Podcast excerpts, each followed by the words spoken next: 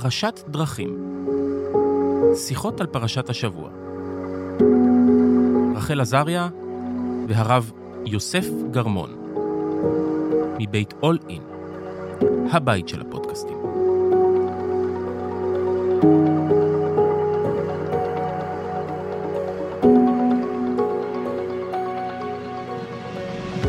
שלום וברוכים הבאים לפודקאסט פרשת דרכים, אה, פודקאסט עם אה, מבט אה, ליברלי, פמיניסטי, דמוקרטי על פרשת שבוע. הרב יוסף גרמון בטירונות, נמצאת איתנו אביטל הוכשטיין, דוקטור אביטל הוכשטיין. כן, גם דוקטור, גם מוסמכת. נכון, ובעיקר נשיאת ל... מכון הדר בישראל. נכון, שזה מכון שמקדם, בואי תגיד את זה יותר טוב ממני. זה מכון שהוא בית לקהילות, קהילות של תורה, עבודה וחסד, בלב שלו יש בית מדרש, יש פה גם הזדמנויות לימוד, גם הזדמנויות תפילה, גם הרבה עבודה על הלכה, על... אבל זה בעיקר, סליחה שזה, בעיקר אה, בית לאנשים, אה, הרבה לקהילות אה, שמשתפות, גברים ונשים, קהילות אה, ליברליות, נכון? כן, קהילות שהן בספקטרום המשתף והשוויוני, מה שנקרא. יפה. זה מה שקורה כששואלים ירושלמים מלא שאלות כאלה, התשובות ארוכות. אז ברוכה הבאה, אנחנו ממש שמחים, ממש שמחים שאת פה, אנחנו שמחים שאת פה איתנו. תודה, גם אני. אה, והשבת אנחנו בפרשת בשלח. פרשה מהממת, ארוכה, hmm. מפורטת, כל כך הרבה קורה, ונתחיל בפסוק שבחרת. אז איזה פסוק? אז אני בחרתי את שמות ט"ז, פסוק כ"ג.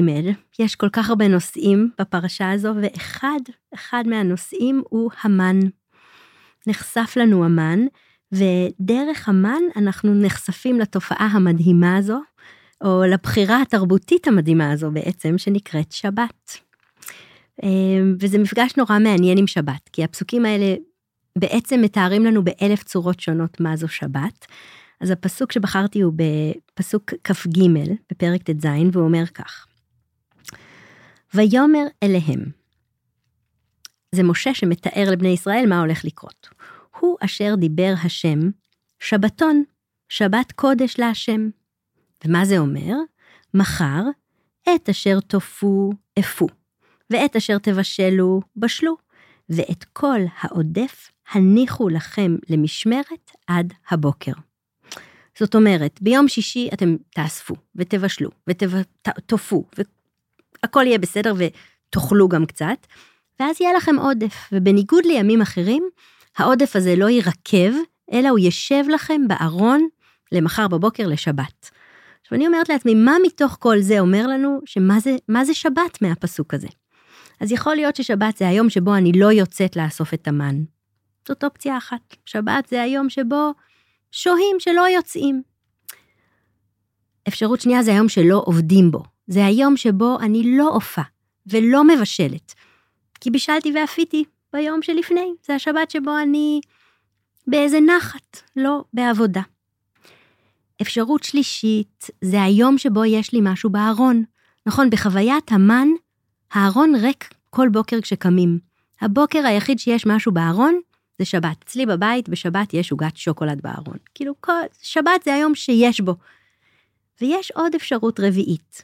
נכון, אמרנו זה היום שלא יוצאים, זה היום שבו שוהים, זה היום שבו עובדים, לא עובדים, זה היום שיש בו משהו בארון, אבל יכול להיות ששבת זה פשוט היום שלפניו יש יום שישי בטירוף. אוקיי? זאת אומרת ששבת מוגדרת דווקא ביום שלפני, זה היום שלקראתו מכינים. וזאת ההגדרה המקסימה הזאת, את אשר תופו אפו, את אשר תבשלו בשלות, שומעים את הטירוף שלפני שבת, ושבת זה היום שלפניו היה מין כזה, אה, ואז שבת. מנוחה. כן, זה מעניין, לא חשבתי על זה שבעצם אה, מה ש... מה שגורם לזה ששבת מרגישה כל כך שבת, אה, זה זה שעבדנו קשה יום קודם. את בעצם אומרת, אם נקנה אוכל מוכן לשבת, פחות נרגיש ככה? טוב, לצאת טובה. ולסחוב את השקיות, כן, אני גם. לא מזלזלת בזה, זה גם דרך להכין, כן. אוקיי? חד כן. משמעית, אבל זה מאופיין ביום שדורש איזו חשיבה לקראתו. נכון. איזו התכוננות לקראתו. הוא לא מגיע סתם ככה. נכון, נכון, ויש מאמץ, ויש רגע, וצריך להגיע מוכנים. אה, כן, זה לקח אותי קצת למשפחות המילואים, שאני מתעסקת הרבה, כל החוויית שבת שלהן, ו- והאוכל, כאילו שזה היום שאמור להיות נעים, ואז זה גם היום שבו תמיד הבן זוג לא נמצא, וזה עוד יותר קשה מצד אחד. זה כאילו אמור להיות מנוחה, אבל זה גם הרבה יותר נוכח, הבדידות, הקושי, הלחץ.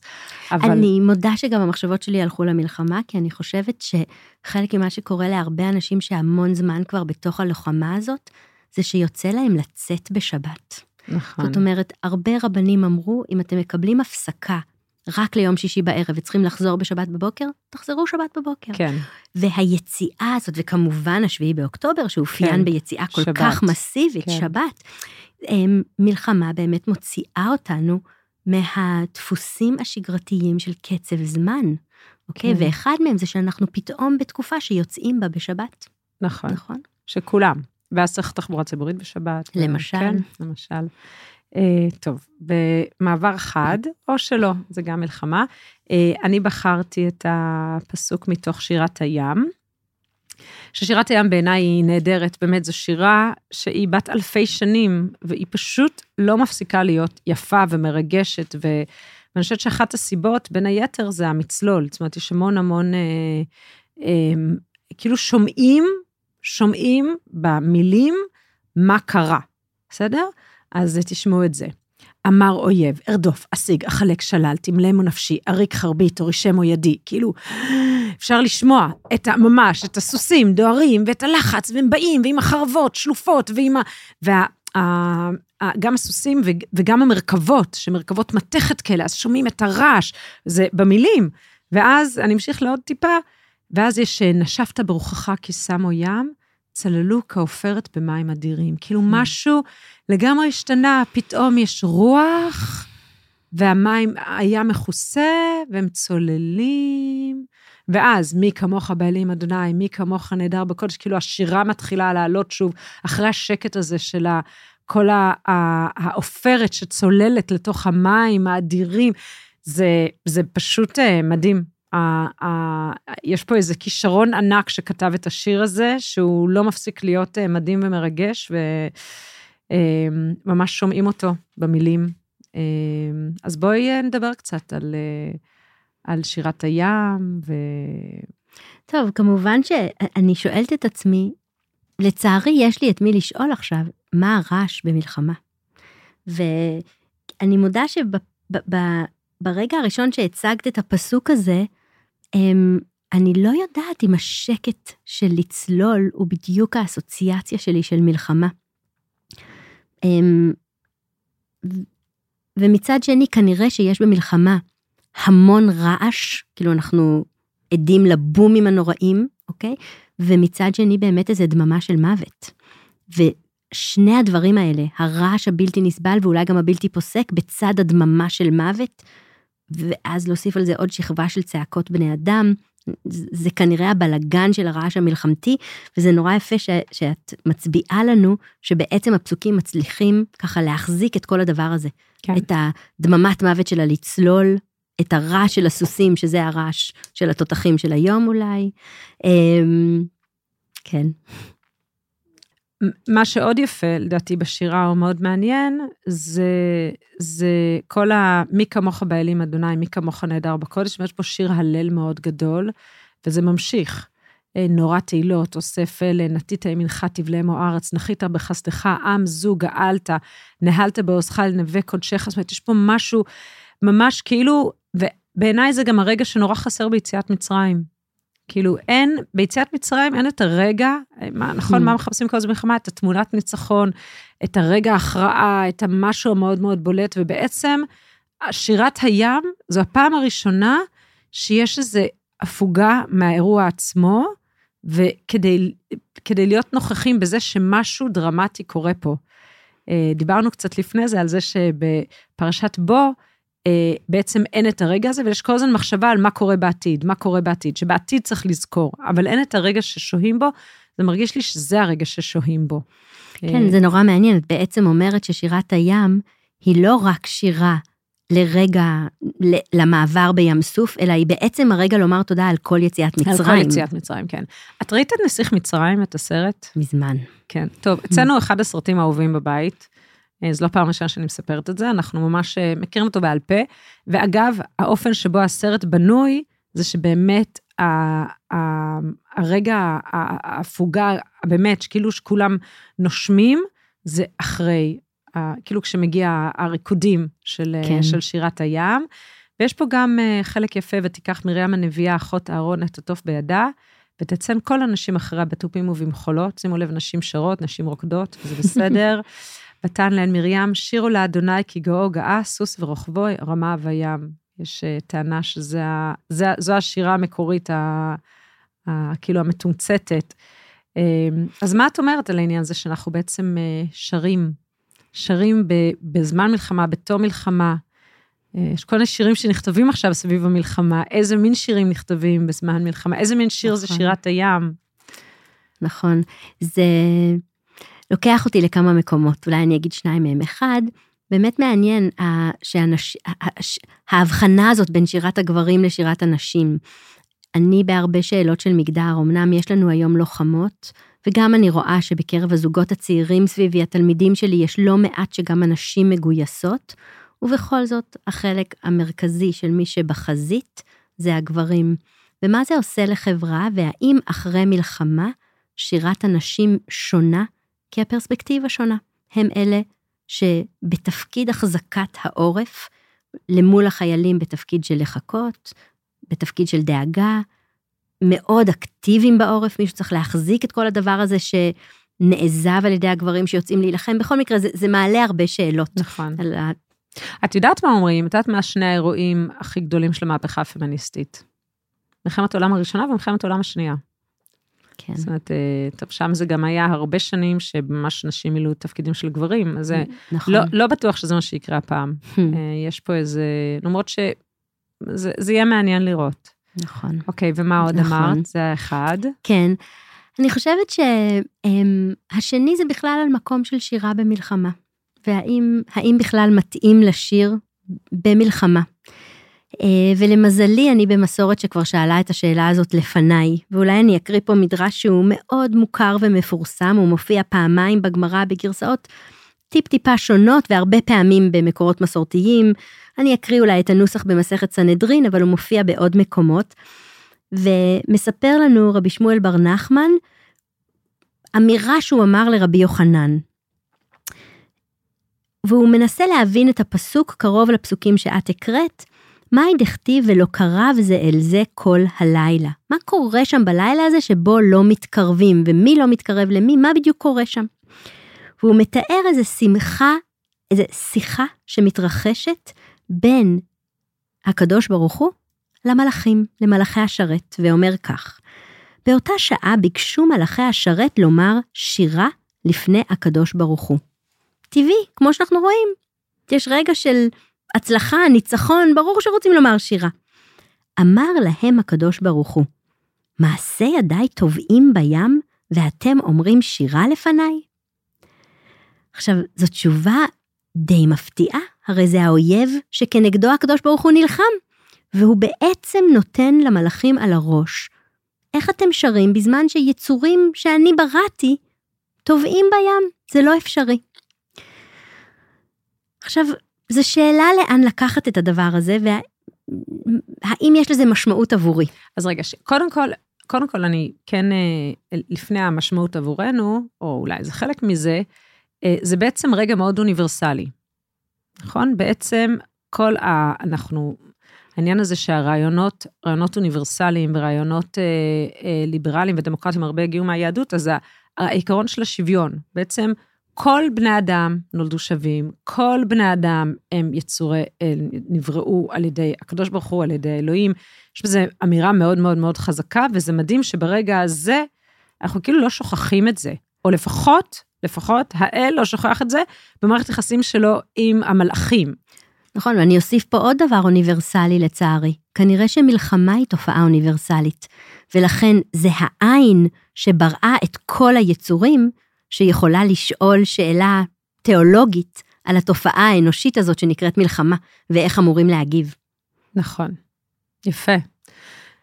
אבל אוקיי, אז בעצם יש פה אה, אה, אה, את אלוהים שאומר למלאכים, אל תאמרו שירה, הוא לא אומר לבני ישראל לא לומר שירה. ואפילו יותר מזה, שירת הים היא, היא כל כך יפה, אנחנו רואים אותה כל יום, היא כאילו חלק מאוד אה, מעצב ומשמעותי ב, בסיפור שלנו. אז איך את, איך, נכון, אז קודם כל, באמת כמו שדיברנו קודם, אני, אני חושבת שמעניין לשים לב שאלוהים לא מגביל פה את בני האדם, נכון, אלא מגביל פה את המלאכים.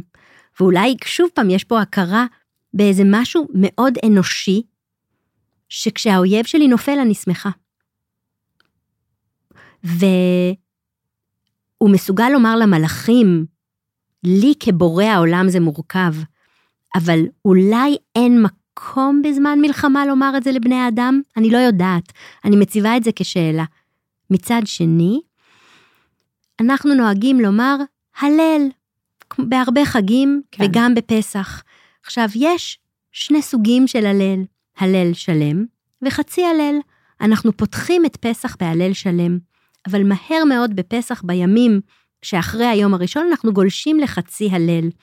וההסבר המסורתי הקלאסי ללמה גולשים לחצי הלל, הוא, אחד ההסברים הוא המדרש הזה. זאת אומרת שהזהירות, האמירה, אלו הברואים שלי, אי אפשר פשוט לשמוח בנפילתם גם אם הם אויבים, היא איכשהו גם גולשת לבני האדם. אז האמירה נשארת אה, מורכבת ועם איזה סימן שאלה של מצד אחד שיחת מלאכים, שיחה שמימית כזאת, ומצד שני, אולי היא נוזלת ככה גם אלינו בשאלה של איך אנחנו אמורים להתנהג מול האויב שלנו ואיזה רגש לגיטימי להרגיש למול אויב. זו שאלה שללא ספק עסקנו בה בימים הראשונים של המלחמה, גם לגבי הצד השני. כן, נכון. אני, אני, אני, חושבת שאחד ה, העקרונות זה שאמרת את זה, שבעצם אה, מין הכרה אוניברסלית שמלחמות יהיו. זה נורא, אבל כן. מלחמות יהיו, ומלחמות תמיד היו, וכנראה תמיד יהיו. את יודעת, היה את אה, ג'ון לנון ששר את Imagine, והיה את, אה, את אה, אה, קץ ההיסטוריה של אה, פוקויאמה, Mm, נכון? כאילו מין כן. מחשבות כאלה שמלחמות ייגמרו, שהכל זהו, שזה יהיה נחלת העבר, כי אני חושבת שגם מי שנלחם, יש, יש משהו כל כך... אה, זה, זה כאילו, אה, אה, ולא רק, יש כאילו לאורך ההיסטוריה כל מיני מחשבות שעמים יפתרו בעיות במשחק שחמט, או בכל מיני, כל מיני כאלה, כל כמה זמן יש מין רעיונות כאלה, אבל כנראה שזה משהו שהוא חזק מכולנו, ו, ומלחמות כנראה תמיד יהיו. אמ, אני חושבת שמה שקורה פה, הדיאלוג הזה שאנחנו שומעות של ה- מצד אחד מעשי ידיי טובים, והיה מצד שני, לחזק את לב פרעה, זאת אומרת, לאורך התקופה, האל מאוד... נכון. מאוד אה, לא, לא, לא רחמן כלפיו, זאת אומרת, הוא בעצם לא מאפשר לאירוע להיגמר בלי, בלי, בלי שיהיה מאוד מאוד קשה. דיברנו על זה גם בפרשות קודמות, שכאילו היה אפשר פשוט להוציא את בני ישראל ממצרים. למה צריך את כל המכות? למה צריך, הרי, הרי כאילו אם, אם, אה, הרי אנחנו מאמינים באל אחד, שבעצם כל יכול, אז למה, למה כל התהליך הזה? ו, ו, ובעצם, ואז למה יש מלחמות? הרי זה מין שאלות כאלה ששאלנו בילדות, אבל, אבל יש ביהדות, אני חושבת שהיא אומרת לנו, העולם הוא מורכב, ותמיד יש מלחמות, ועכשיו בואו נראה איך אנחנו צריכים להתנהל בתוכם.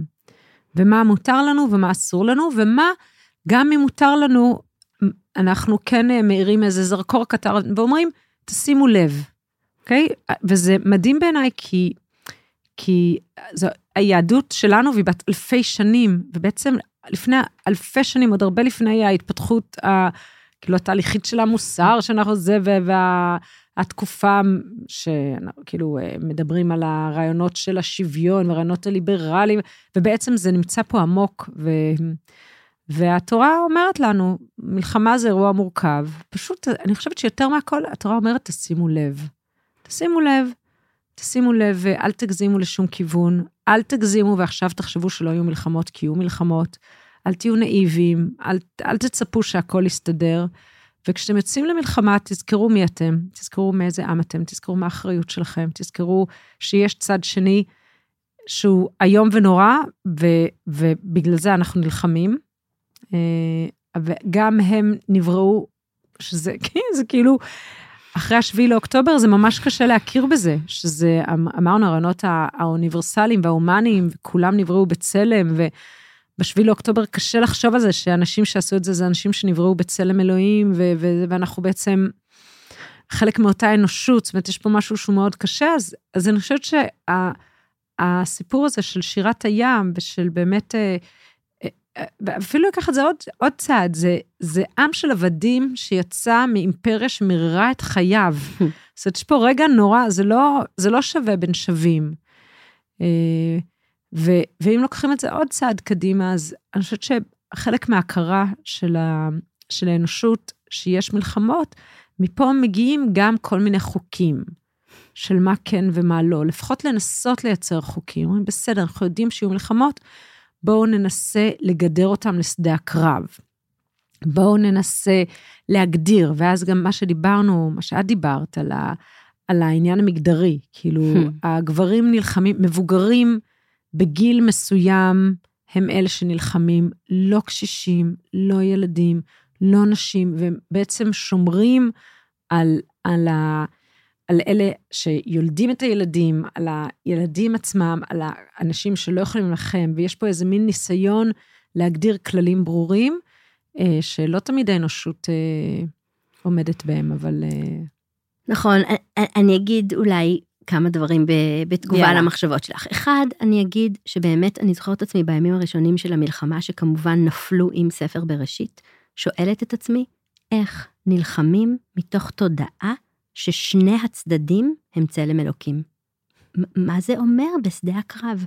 ואחרי המראות הנוראיות של 7 באוקטובר, שאפילו רק התחלנו להיחשף לנוראות שלהם. זאת, אני חושבת שזאת שאלה מאוד מאוד מאוד חשובה בשבילנו, כי בסוף אנחנו רוצים להסתכל בראי ולדעת שהתנהגנו כצלם אלוקים. ומה זה אומר? דבר שני, אני חושבת שזה שפה אחרת למה שקורה לנו היום בהאג. זאת אומרת, אני, אני, זה, זה די מוציא מהדעת. כאילו, אני חושבת על סבא סבתא אחד שהצליחו לברוח מאירופה, סבא סבתא שני שלי שהתחבאו עם דודה שלי באירופה, ואנחנו עכשיו מועמדים שם לדין על רצח עם, זה פשוט, זה, זה, זה, זה מקומם וזה מטורף. ומצד שני, אני רוצה להיות חלק ממי שאלו הסטנדרטים שלו. עכשיו, זה נורא קשה להילחם במלחמה נגד ארגון טרור. מה אתה עושה? כשצד אחד יש לו חוקים א', וצד שני יש לו חוקים ב', אני חושבת שזה חלק מהפלונטר שאנחנו בתוכו, וזה לא העיסוק שלנו, אבל אני כן אומרת שהחוקים האלה שאת מדברת עליהם מנסים לנבוע מתוך איזו הנחת יסוד משותפת, עמוקה, שיש לה גם כנראה היסטוריה תיאולוגית לפחות, אם לא בסיס תיאולוגי משותף, וזה שבני אדם נבראו, בצלם אלוקים, כולם. הדבר השלישי, אם את כבר מרשה לי לזלוג לתוך סוף הפרשה שלנו, go for it. זה, אני רוצה um, להציב שאלה על מה שאת הצגת כנתון, וזה מי יוצא להילחם. אני רוצה לקחת אותנו למלחמת עמלק. כן. זה ממש בסוף הפרשה, שמות י"ז, פסוק ח', והתיאור הראשוני הוא ויבוא עמלק ויילחם עם ישראל ברפידים. ועולות פה המון שאלות, מאיפה הוא בא, למה הוא בא, מה ההקשר. מי שיש לו זמן ככה לקרוא את הפסוקים אחורה, אולי יראה איזשהו הקשר מסוים שם, אנחנו לא ניכנס לזה כרגע. אבל עמלק מגיע ונלחם. והתיאור ממשיך, ויאמר משה אל יהושע, בחר לנו אנשים. אז קודם כל, אני רוצה לומר שבוחרים מי יוצא לקרב. לא כולם יוצאים לקרב. אני יודעת שאנחנו במסורת שיש בה מלחמת מצווה, במלחמת רשות, מלחמת מצווה, כולם יוצאים וכולי וכולי. זה לא נכון. חברתית, לא כולם יוצאים. ויש פה איזה זרקור שמאפשר לנו רגע לשים לב שיהושע בוחר. עכשיו, המדרשים, כדרכם, עסוקים במי הוא בחר. אז הם למשל במדרשים המוקדמים יותר, במדרשי ההלכה, מתארים איזה מחלוקת, האם הוא בחר גיבורים, או האם הוא בחר יראי חטא. שתי קבוצות מעניינות. אולי גיבורים יותר טבעיים לשדה הקרב, אני מנסה לדמיין לי את שדה הקרב עם יראי החטא. מה זה אומר בדיוק? אה, איזה מין מלחמה הם מנהלים שם, אוקיי? אבל ברור... מה זה, איך את שמעת יראי חטא? טוב, האם זה אנשים ש... כל דבר מפחיד אותם והם נזהרים לא לעשות שום טעות? האם זה אנשים שנורא נורא נורא מפחדים מאלוהים? אוקיי? צריך לחשוב איך אנחנו תופסים. חטאים, אבל יש שם איזה יראה, איזה פחד, איזה זהירות, שאני לא בטוחה שהיא המאפיין המרכזי של שדה הקרב, בוודאי לא של הגיבורים. אמ, אז, אז, אז זה מעניין, זה דפוסים שונים. ב, אם אני זוכרת נכון, במדרש אסתר רבה, מתארים שהוא בחר את המכשפים. כאילו כולנו רוצים שיהיה שם איזה כישוף שפשוט יפתור את הדבר. הכל. אוקיי? כן. כאילו אני מרגישה שזה ממש מבטא, זה מדרש הרבה יותר מאוחר, שמבטא את, ה, את החלום הזה שלנו. החלום שלנו עכשיו. כן, שפשוט ש- זה ייגמר מי- באיזה כן. נס. כן. עכשיו, הם, ספר דברים מתאר לנו מי יוצא לקרב. וספר דברים אומר, האמת, הוא מתאר מי לא יוצא לקרב. והוא אומר ככה, מי אשר בנה בית ולא חנכו, כן? בניתי בית שעוד לא הספקתי לגור בתוכו. מי אשר הרס אישה ועוד לא לקחה. מי אשר נטע כרם ולא חיללו. זה אותם אנשים שהם ברגעי ההתחלה של החיים, ושעוד לא, עוד לא, החיים עוד לא, כאילו בא לומר לך פרי. מי בישל לשבת ועוד לא אכל. לחזור להתחלת הפרשה. בדיוק, בדיוק. עכשיו, בדמיון שלי, האנשים האלה שהתחילו לבנות בית אבל עוד לא גרו, הרסו אישה, כן, התחילו לצאת עם מישהי אבל עוד לא התחתנו וילדו שני ילדים, מי שהתחיל עסק אבל עוד לא מימש. זה בדיוק מי שאנחנו בוחרים להוציא לשדה הקרב. אנחנו בוחרים להוציא את הצעירים. והתורה בספר דברים אומרת דווקא שאולי אה, אני ואת אמורות לצאת לשדה הקרב, ולתת לצעירים ככה לחיות את החיים שלהם. עכשיו, אני, אני לא אומרת מה נכון ומה לא נכון, אבל אני וואו. מציינת שחברות בוחרות את מי להוציא לקרב ומי לא. וזה לא מובן מאליו. ותרבויות שונות, וזמנים שונים בהיסטוריה, ופרשנים שונים, וטקסטים שונים, מתארים לנו דברים שונים. ואני רוצה שנשים לב. את יודעת, אחד הדברים ש... שאני אומרת על המשפחות המילואים, זה שאנחנו בישראל עושים מילואים באותם שנים שיולדים ילדים. ואז הקושי של המשפחות המילואים, וגם חדרי לידה היום נראים כמו אה, שטחי כינוס, אה, מחנה, לא יודעת מה, צבאי כולם בבית, חצי בית, נשקים ארוכים, כאילו יש משהו כל כך אה, קיצוני בתוך האירוע, אבל אני כן חושבת שזה, ככל שאני חושבת, מדברת ואני חושבת, בעצם מילואים דומה יותר למה, ש, אה, למה שהתורה אומרת. זאת אומרת, מי שכבר נמצא בתוך החיים, ולא מישהו שהוא רגע לפני, ואני חושבת שגם הרבה פעמים הכאב שלנו הוא מאוד גדול על, ה, על החיים שנקטפו ועל הפוטנציאל שלא מומש. וה... מהמם. אה, כן, לביא ליפשיץ, הצייר, אז אה, ניצן, חבר שלה, בן זוג שלי הרבה שנים, ובאמת ה, הידיעה הזו שהיה שם כישרון מאוד גדול לצילום, ויש לנו תערוכה אחת שאפשר, אבל אנחנו לא יודעים מה הפסדנו. את החוויה הזו של פוטנציאל חיים שלא מומש. נכון. אנחנו ללא ספק חברה שבחרה לשים שמה, בחזית. אה, ואולי את צודקת שהמילואים הם השלב הבא, ומי שלא יוצא הוא השלב שאחרי. כן. ויש לתהות על הדבר הזה, אולי אם היינו שולחים לשדה הקרב את בני ה-40 וה-50 שיודעים משמעות החיים, שכבר יש להם ילדים, שאולי זה היה נראה אחרת, אני, אני לא יודעת. אני לא יודעת. אבל התורה... אבל אני חושבת שהמילואים, אגב, בעיניי, זה כן יותר מאזן את המאוד, כאילו, אנחנו יודעים שגם ההתנהלות של מילואים היא אחרת, ו... אה, אבל, אוקיי, כן, זאת, אז זאת שאלה. כן. אז הוא בוחר, אוקיי, אז, אז זאת הייתה האסוציאציה הראשונה שלי כן. לדברים שאמרת, אמ, שאמרת בפסוקים. אולי אפשר להצביע פה על עוד כמה דברים מעניינים בפסוקים. אני אזכיר שוב את הפתיחה. ויבוא עמלק וילחם עם ישראל ברפידים. תלמידים שלי שאלו אותי, מה התפקיד של הפסוק הזה? האם זה פסוק שמתאר את תחילת האירוע, או האם זו כותרת? אני Mm. אקריא שוב, ויבוא עמלק וילחם עם ישראל ברפידים. אם זה תיאור האירוע, אז הדבר הראשון שקרה זה עמלק הגיע. אבל אם זו כותרת, הסיפור מתחיל במילים, ויאמר משה אל יהושע, בחר לנו אנשים וצא יילחם בעמלק. ובעיקר הרגשתי שבמלחמה מאוד לא ברור מי התחיל. Hmm. עכשיו, בכל רגע נקודתי, מאוד ברור מי התחיל. אין ספק מה קרה בשביעי באוקטובר. אין ספק שאם מתחילים לקרוא את הפרשה מ"ויבוא עמלק" כתחילת הסיפור, עמלק מתחיל, ואם מתחילים לקרוא מפסוק ב' כי רואים בפסוק הפותח כותרת, ויאמר משה אל יהושע בחר לנו אנשים וצא יילחם, כן, זה תחילת צא- הסיפור. צא יילחם. כן. בדיוק, אוקיי? אבל זה שתי סיפורים שונים, ואולי יש משהו במלחמה שחלק מהסיפור שלגביה, שזה לוקסוס של מי שבעורף, וגם אחרי שלושה חודשים של זמן, פתאום להתחיל לשאול, מה ההקשר? אוקיי? ומה קורה פה? והפסוקים מעלים בשבילי את השאלה הזאת. לא, תקשיבי, זה מדהים, כי באמת, כי באמת בכל מלחמה יש את השאלה מי התחיל. ונרחיק עדותנו ונלך למלחמת האזרחים בארצות הברית, שאנחנו קוראים לזה מלחמת האזרחים, וברור לנו שזה בעצם בגלל הדרום, נכון? אנחנו, אנחנו מספרים את הסיפור של המנצחים, את הסיפור של הצפון, גם הסיפור שאנחנו מזדהים איתו, תרבותית ערכית. וערכית והכול, כמובן. אבל בדרום, את יודעת איך קוראים למלחמה הזו? The War of Northern Aggression, נכון. כאילו מלחמת התוקפנות של הצפון.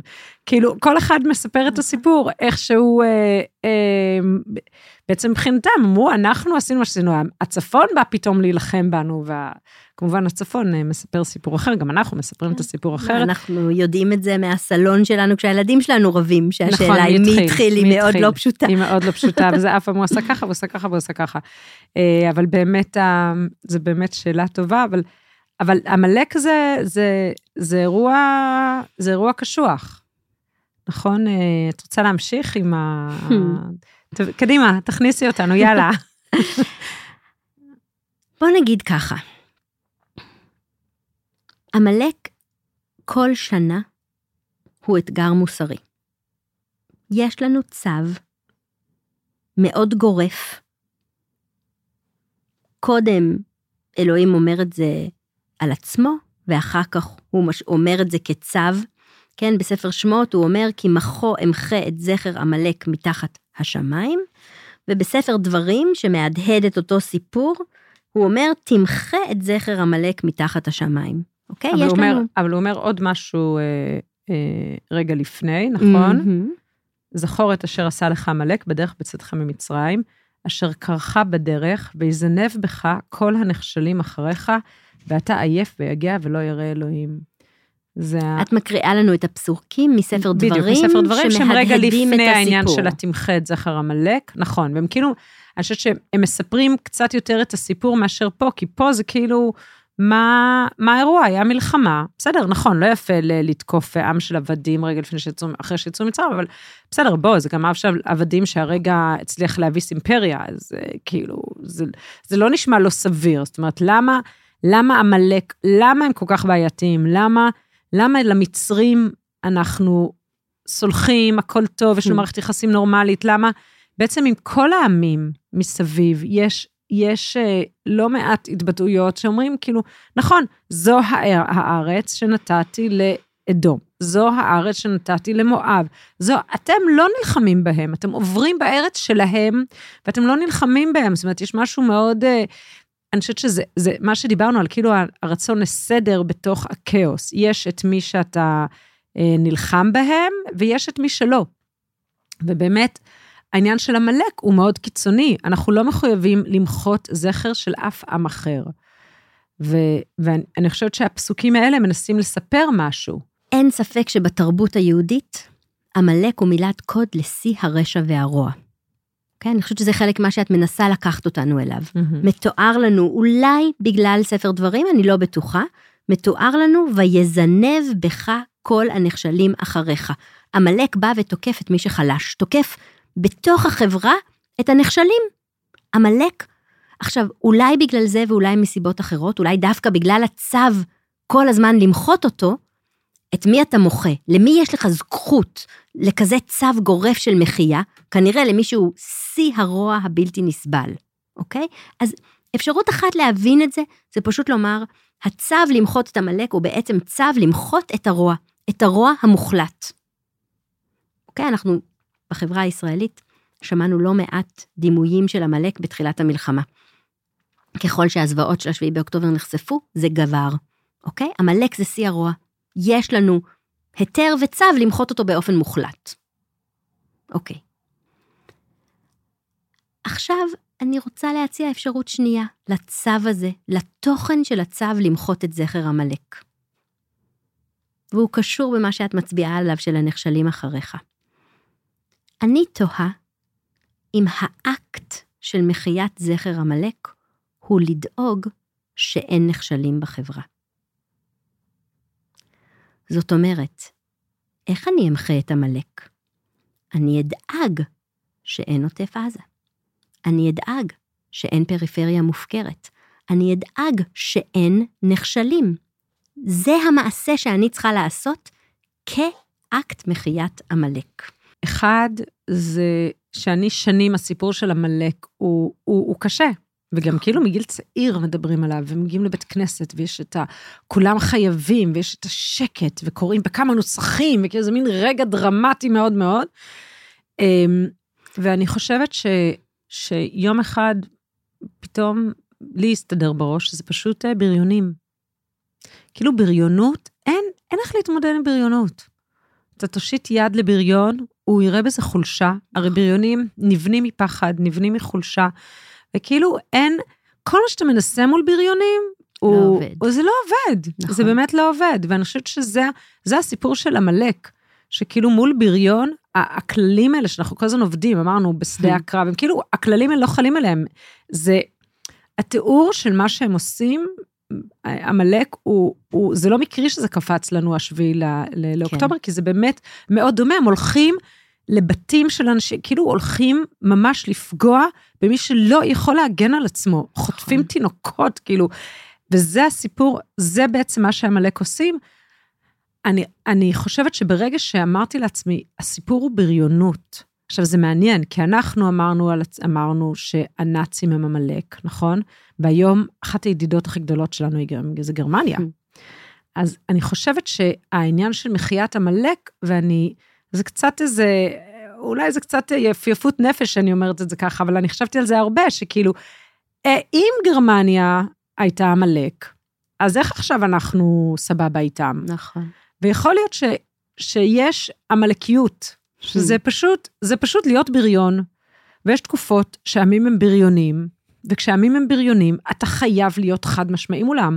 אתה לא יכול להיות אה, נכון. אה, אה, עדין, ואתה לא יכול לנסות למצוא פתרון, אתה פשוט צריך להבין שזו התקופה הבריונית שלהם.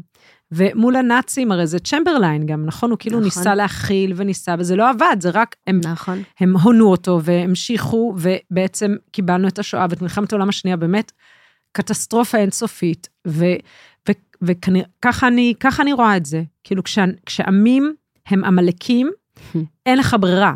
אתה חייב להיות חד משמעי, לא להתבלבל, לא לראות בעיניים, וזה מדהים, כי זה באותה פרשה של מעשה ידיי טובים בים, אבל יש, יש איזה, אה, אה, כאילו, באג או פיצ'ר, כאילו יש משהו שיש תקופות שעמים נהיים עמלקיים, ואז אתה חייב להיות מאוד מאוד נוקשה כלפיהם, ויש תקופות שלא, כנראה שזה עובר, ואז אתה, אתה יכול כן להיות אה, משהו, כאילו, כן להיות במערכת יחסים אחרת, כמו שאנחנו עם גרמניה, שבאמת, מי העלה על דעת, כאילו זה, זה כל כך מופרך.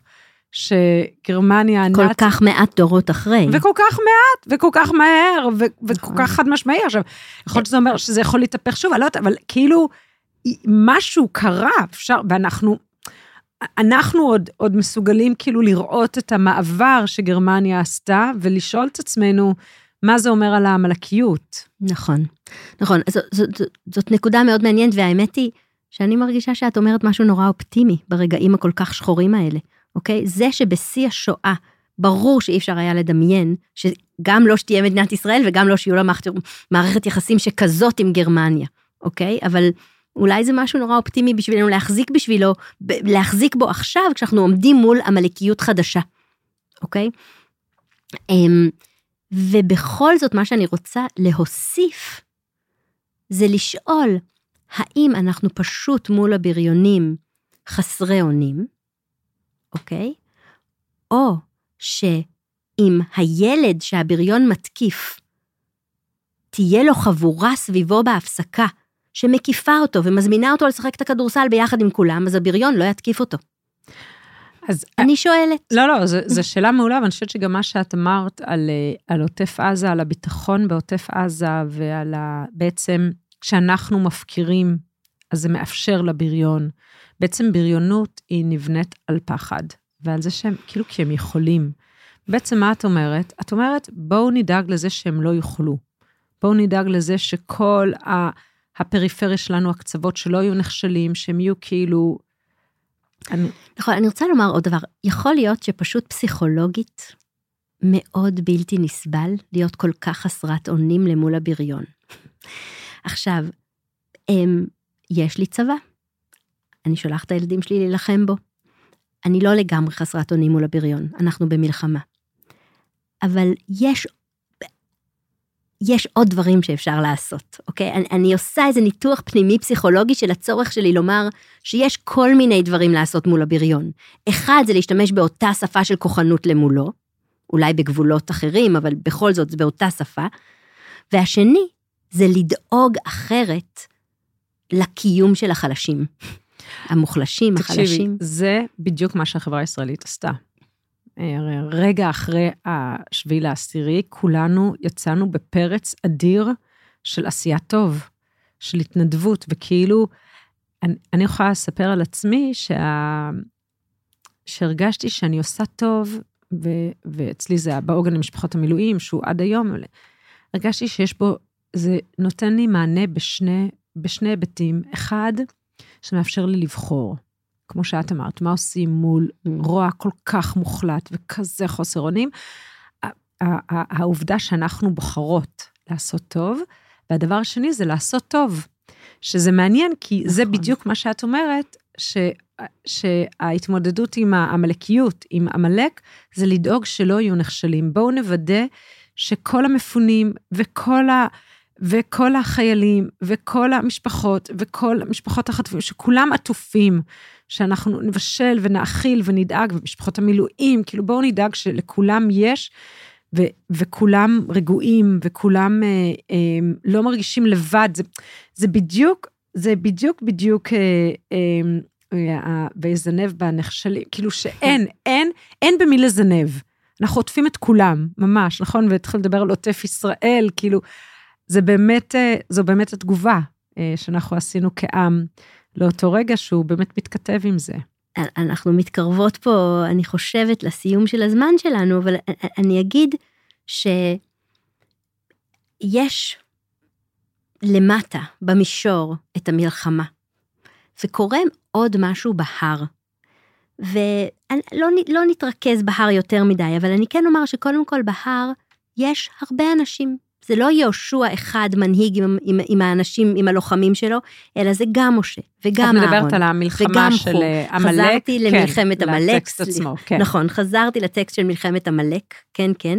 אז יש קרב שמתנהל במישור, ויש על ההר שצופה במישור הזה, התרחשות, קורית שם התרחשות. ועומדים שם קודם כל ריבוי של אנשים, גם משה, גם אהרון, גם חור, שזה אולי התיאור שאת אומרת של מה שקרה בעורף. היה, הייתה מין התגייסות עצומה כזאת של העורף, מגוונת. משה, אהרון וחור הם דמויות מאוד מאוד שונות אחת מהשנייה. התגייסות מגו, מגוונת. אולי הנהגה מדינית שצריכה להתנהל באופן מגוון, אני לא יודעת, אבל אה, הייתה שם התגייסות מאוד מגוונת. וגם הייתה שם תלות הדדית. בסיפור פה, הידיים של משה כבדות והוא נשען על אהרון וחור. אוקיי? באמת, יש שם ידע שאי אפשר לבד, שחייבים לסמוך אחד על השני, שיש תלות בשביל mm. הניצחון הזה ובשביל החיזוק של העורף, יש תלות אחד בשני, וזה מסוכם במילה אמונה. עכשיו, אה, האמונה הזאת, ויהי ידיו אמונה. הקיום בתלות, ביכולת להישען אחד על השני, זה, אני, יש לי על מי לסמוך, יש לי אמון. אוקיי? מלחמה שוברת אמון באופן מוחלט, ההצלחה של המלחמה, ההצלחה של העורף, ההצלחה בכלל לצאת מהמצב הזה של מלחמה, זה אם אנחנו מגיעים למצב של אמון, של אמונה. איש בתוכן של האמונה שלו, הריבוי פה הוא מאוד חשוב, אבל לחזור למצב של אמון. טוב, זה מדהים.